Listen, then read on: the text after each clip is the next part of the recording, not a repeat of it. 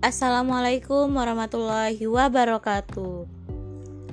Halo, saya Nafira Ramadhani dengan NIM 4232001 dengan prodi Teknologi Rekayasa Pembangkit Energi kelas A pagi.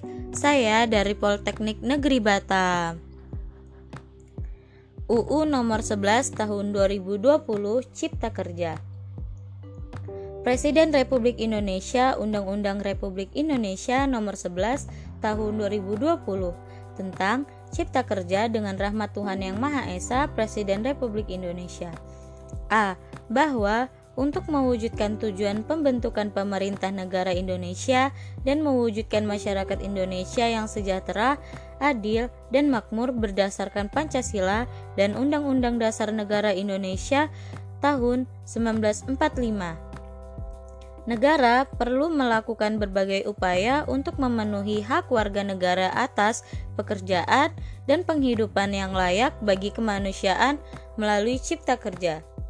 B. Bahwa dengan cipta kerja diharapkan mampu menyerap tenaga Indonesia yang seluas-luasnya di tengah persaingan yang semakin kompetitif dan tuntutan globalisasi ekonomi. C bahwa untuk mendukung cipta kerja diperlukan penyesuaian berbagai aspek pengaturan yang berkaitan dengan kemudahan, perlindungan, dan pemberdayaan kooperasi dan usaha mikro, kecil, dan menengah, peningkatan ekosistem investasi, dan percepatan proyek strategis nasional, termasuk peningkatan perlindungan dan kesejahteraan pekerja. D. Bahwa pengaturan yang berkaitan dengan kemudahan, perlindungan, dan pemberdayaan kooperasi dan usaha mikro, kecil, dan menengah, peningkatan ekosistem investasi, dan percepatan proyek strategis nasional termasuk peningkatan perlindungan dan kesejahteraan pekerja yang tersebar di berbagai undang-undang sektor saat ini belum dapat memenuhi kebutuhan hukum untuk percepatan cipta kerja sehingga perlu dilakukan perubahan. E. Bahwa upaya perubahan pengaturan yang berkaitan kemudahan, perlindungan, dan pemberdayaan koperasi dan usaha mikro, kecil, dan menengah peningkatan ekosistem investasi, dan percepatan proyek strategis nasional, termasuk peningkatan perlindungan dan kesejahteraan pekerja dilakukan melalui perubahan undang-undang sektor yang belum mendukung terwujudnya sinkronisasi dalam menjamin percepatan cipta kerja. Sehingga diperlukan terobosan hukum yang dapat menyelesaikan berbagai permasalahan dalam beberapa undang-undang ke dalam satu undang-undang secara komprehensif bahwa berdasarkan pertimbangan sebagaimana dimaksud pada huruf A, huruf B, huruf C, huruf D, dan huruf E perlu membentuk undang-undang tentang cipta kerja. Mengingat pasal 4 ayat 5, ayat 1, pasal 18, pasal 18A, pasal 18B dan pasal 20, pasal 22D ayat 2, pasal 27 ayat 2, pasal 28D ayat 1 dan ayat 2 dan pasal 33 untuk Undang-Undang Dasar Republik Indonesia tahun 1945. Ketetapan Majelis Permusyawaratan Rakyat Republik Indonesia nomor 16 MPR tentang politik ekonomi dalam rangka demokrasi ekonomi. Ketetapan Majelis Permusyawaratan Rakyat Republik Indonesia nomor 9 MPR 2001 tentang pembaruan agria dan pengelolaan sumber daya alam. Menetapkan dengan persetujuan bersama Dewan Perwakilan Rakyat Republik Indonesia dan Presiden Republik Indonesia memutuskan menetapkan undang-undang tentang cipta kerja. Bab 1 Ketentuan Umum Pasal 1 dalam undang-undang ini yang dimaksud dengan 1. Cipta kerja adalah upaya penciptaan kerja melalui usaha kemudahan, perlindungan, dan pemberdayaan koperasi dan usaha mikro, kecil, dan menengah meningkatkan ekosistem investasi dan kemudahan berusaha, dan investasi pemerintah pusat dan percepatan proyek strategis nasional. 2. Koperasi adalah koperasi sebagaimana dimaksud dalam Undang-Undang tentang Pengkoperasian.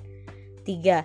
Usaha mikro, kecil, dan menengah yang selanjutnya disingkat UMKM adalah usaha mikro, usaha kecil, dan usaha menengah sebagaimana dimaksud dengan Undang-Undang tentang Usaha Mikro, Kecil, dan Menengah.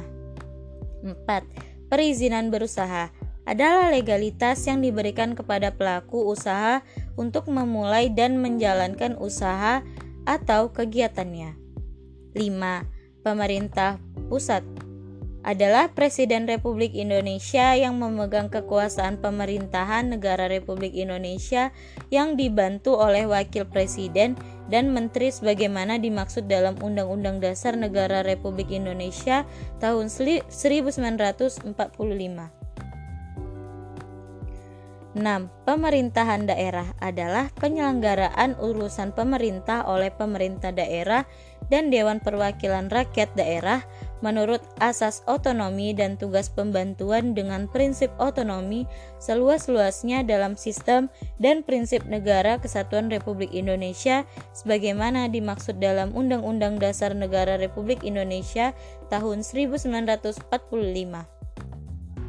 7. Pemerintah daerah adalah kepala daerah sebagai unsur penyelenggara pemerintah daerah yang memimpin pelaksanaan urusan pemerintah yang menjadi kewenangan daerah otonomi. 8. Pelaku usaha adalah orang perseorangan atau badan usaha yang melakukan usaha dan atau kegiatan pada bidang tertentu.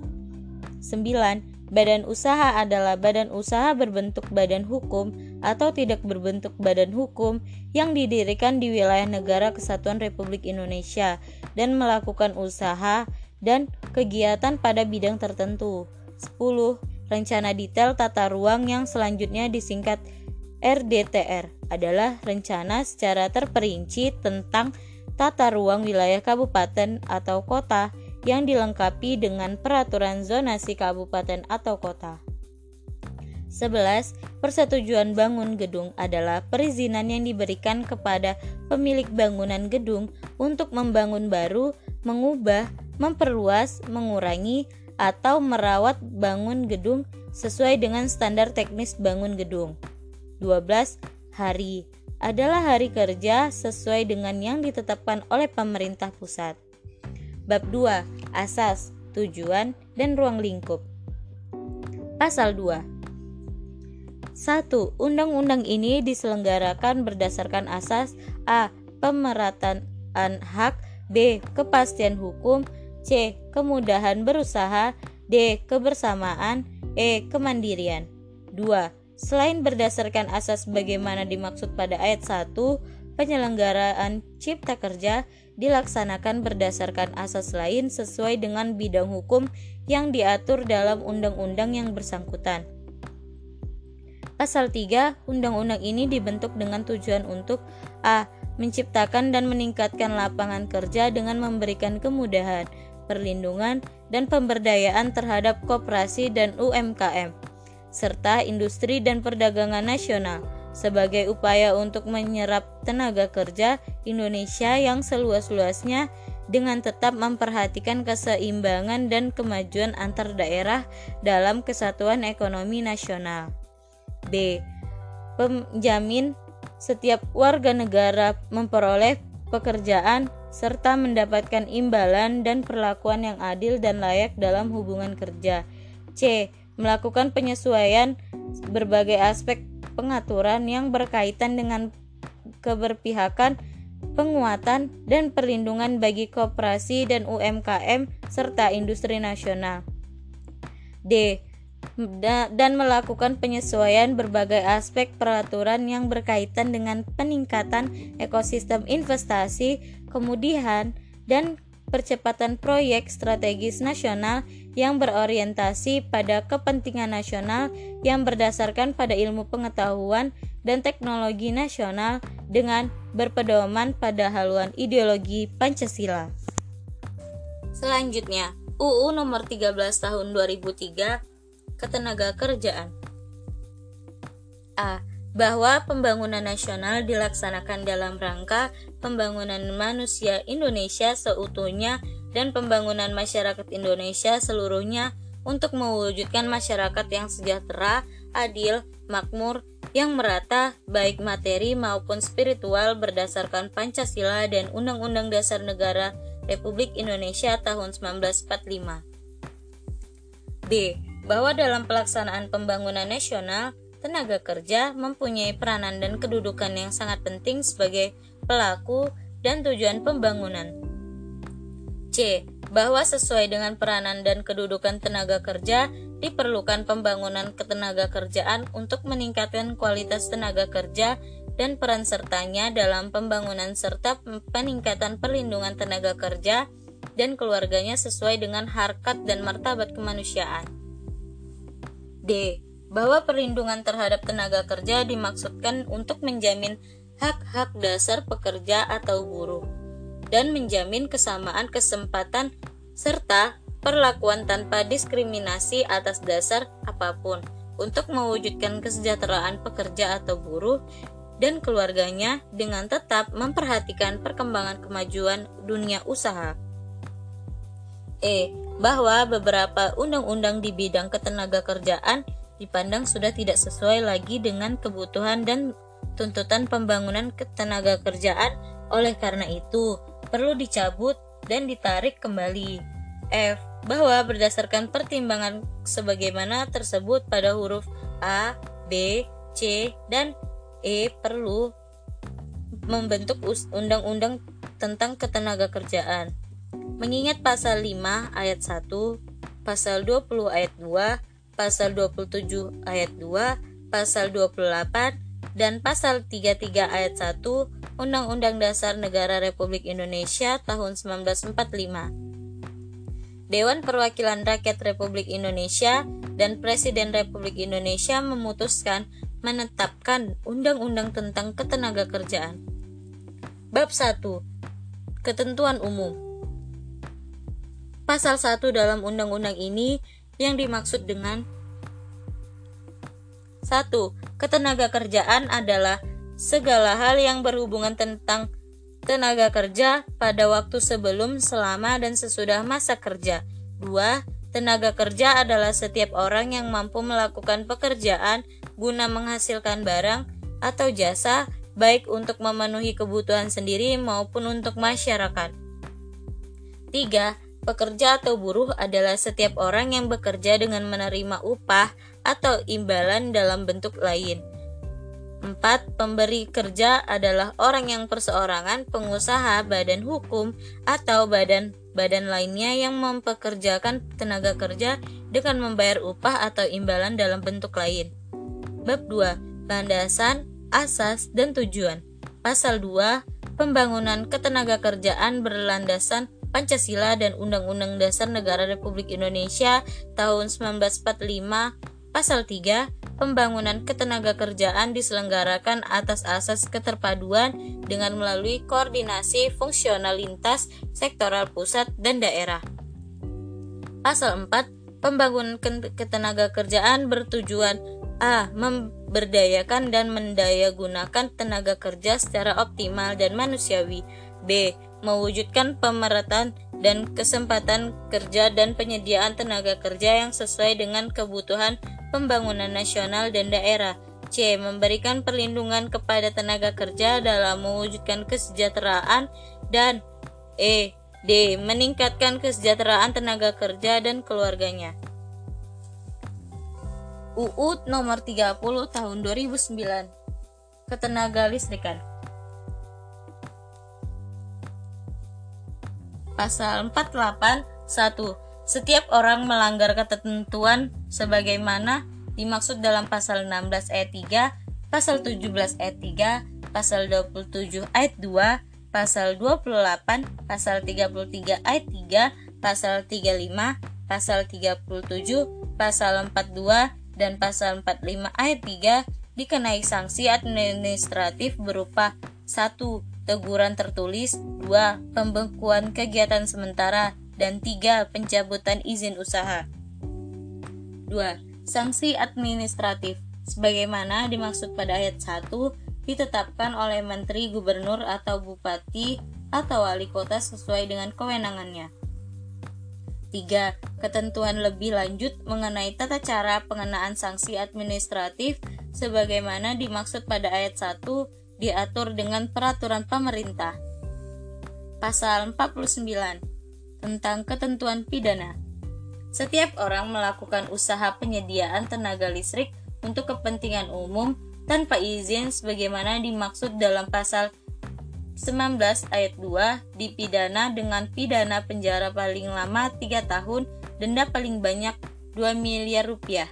2. Setiap orang melakukan usaha penyediaan tenaga listrik tanpa izin operasi sebagaimana dimaksud dalam pasal 22 pidana dengan pidana penjara 5 tahun dan denda paling banyak 4 miliar rupiah.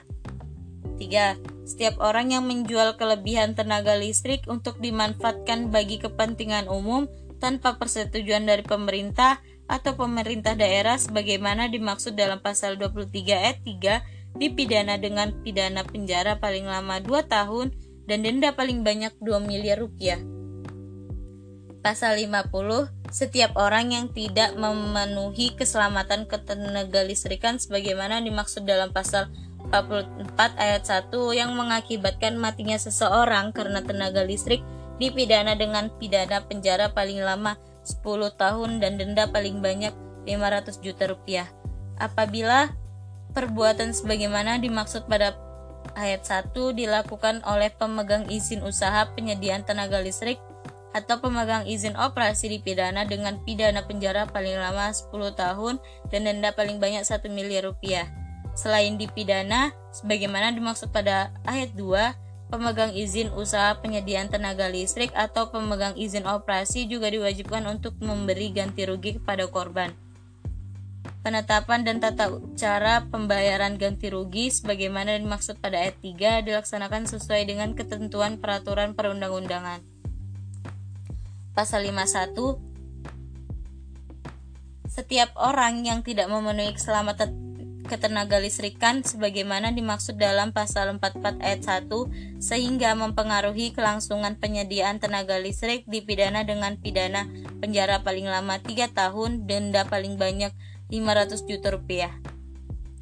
Apabila perbuatan sebagaimana dimaksud pada ayat 1 mengakibatkan terputusnya aliran listrik sehingga merugikan masyarakat dipidana dengan pidana penjara paling lama 5 tahun dan denda paling banyak 2 miliar 500 juta rupiah. Setiap orang yang menggunakan tenaga listrik yang bukan haknya secara melawan hukum dipidana dengan pidana paling lama 7 tahun, denda paling banyak 2 miliar 500 juta rupiah.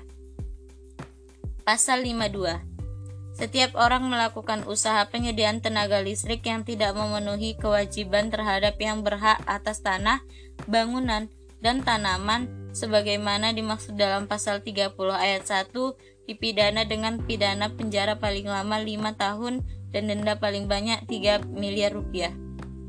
Selain pidana bersebagaimana dimaksud pada ayat 1 dapat dikenai sanksi tambahan berupa pencabutan izin usaha penyediaan tenaga listrik atau izin operasi Pasal 53, setiap orang yang melakukan kegiatan usaha jasa penunjang tenaga listrik tanpa izin sebagaimana dimaksud dalam pasal 25 ayat 1 dipidana dengan pidana penjara paling lama 5 tahun dan denda paling banyak 2 miliar rupiah. Pasal 54 setiap orang mengoperasikan instalasi tenaga listrik tanpa sertifikat laik operasi sebagaimana dimaksud dalam pasal 44 ayat 4 dipidana dengan pidana penjara paling lama 5 tahun dan denda paling banyak 500 juta rupiah. Setiap orang memproduksi, mengedarkan atau menjual belikan peralatan dan pemanfaatan tenaga listrik yang tidak sesuai dengan standar nasional Indonesia sebagaimana dimaksud dalam pasal 44 ayat 5 dipidana dengan pidana penjara paling lama 5 tahun dan denda paling banyak 5 miliar rupiah. Pasal 55 dalam hal tidak pidana sebagaimana dimaksud dalam pasal 49 sampai dengan pasal 54 dilakukan oleh badan usaha, pidana dikenakan terhadap badan usaha dan pengurusnya. dalam hal pidana sebagaimana dimaksud pada ayat 1 dikarenakan terhadap badan usaha pidana yang dikenakan berupa denda maksimal ditambah sepertiganya.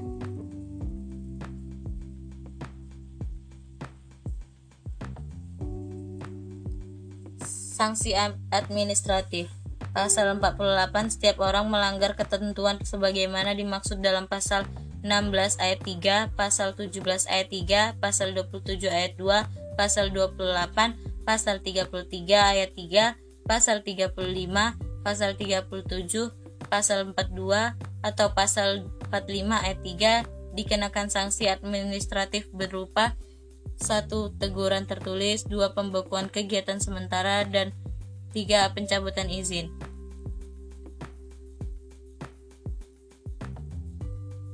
Ketentuan pidana Setiap orang melakukan usaha penyediaan tenaga listrik yang kepentingan umum tanpa izin dimaksud pada pasal 19 ayat 2 dipidana dengan pidana penjara paling lama 3 tahun dan denda paling banyak 2 miliar rupiah.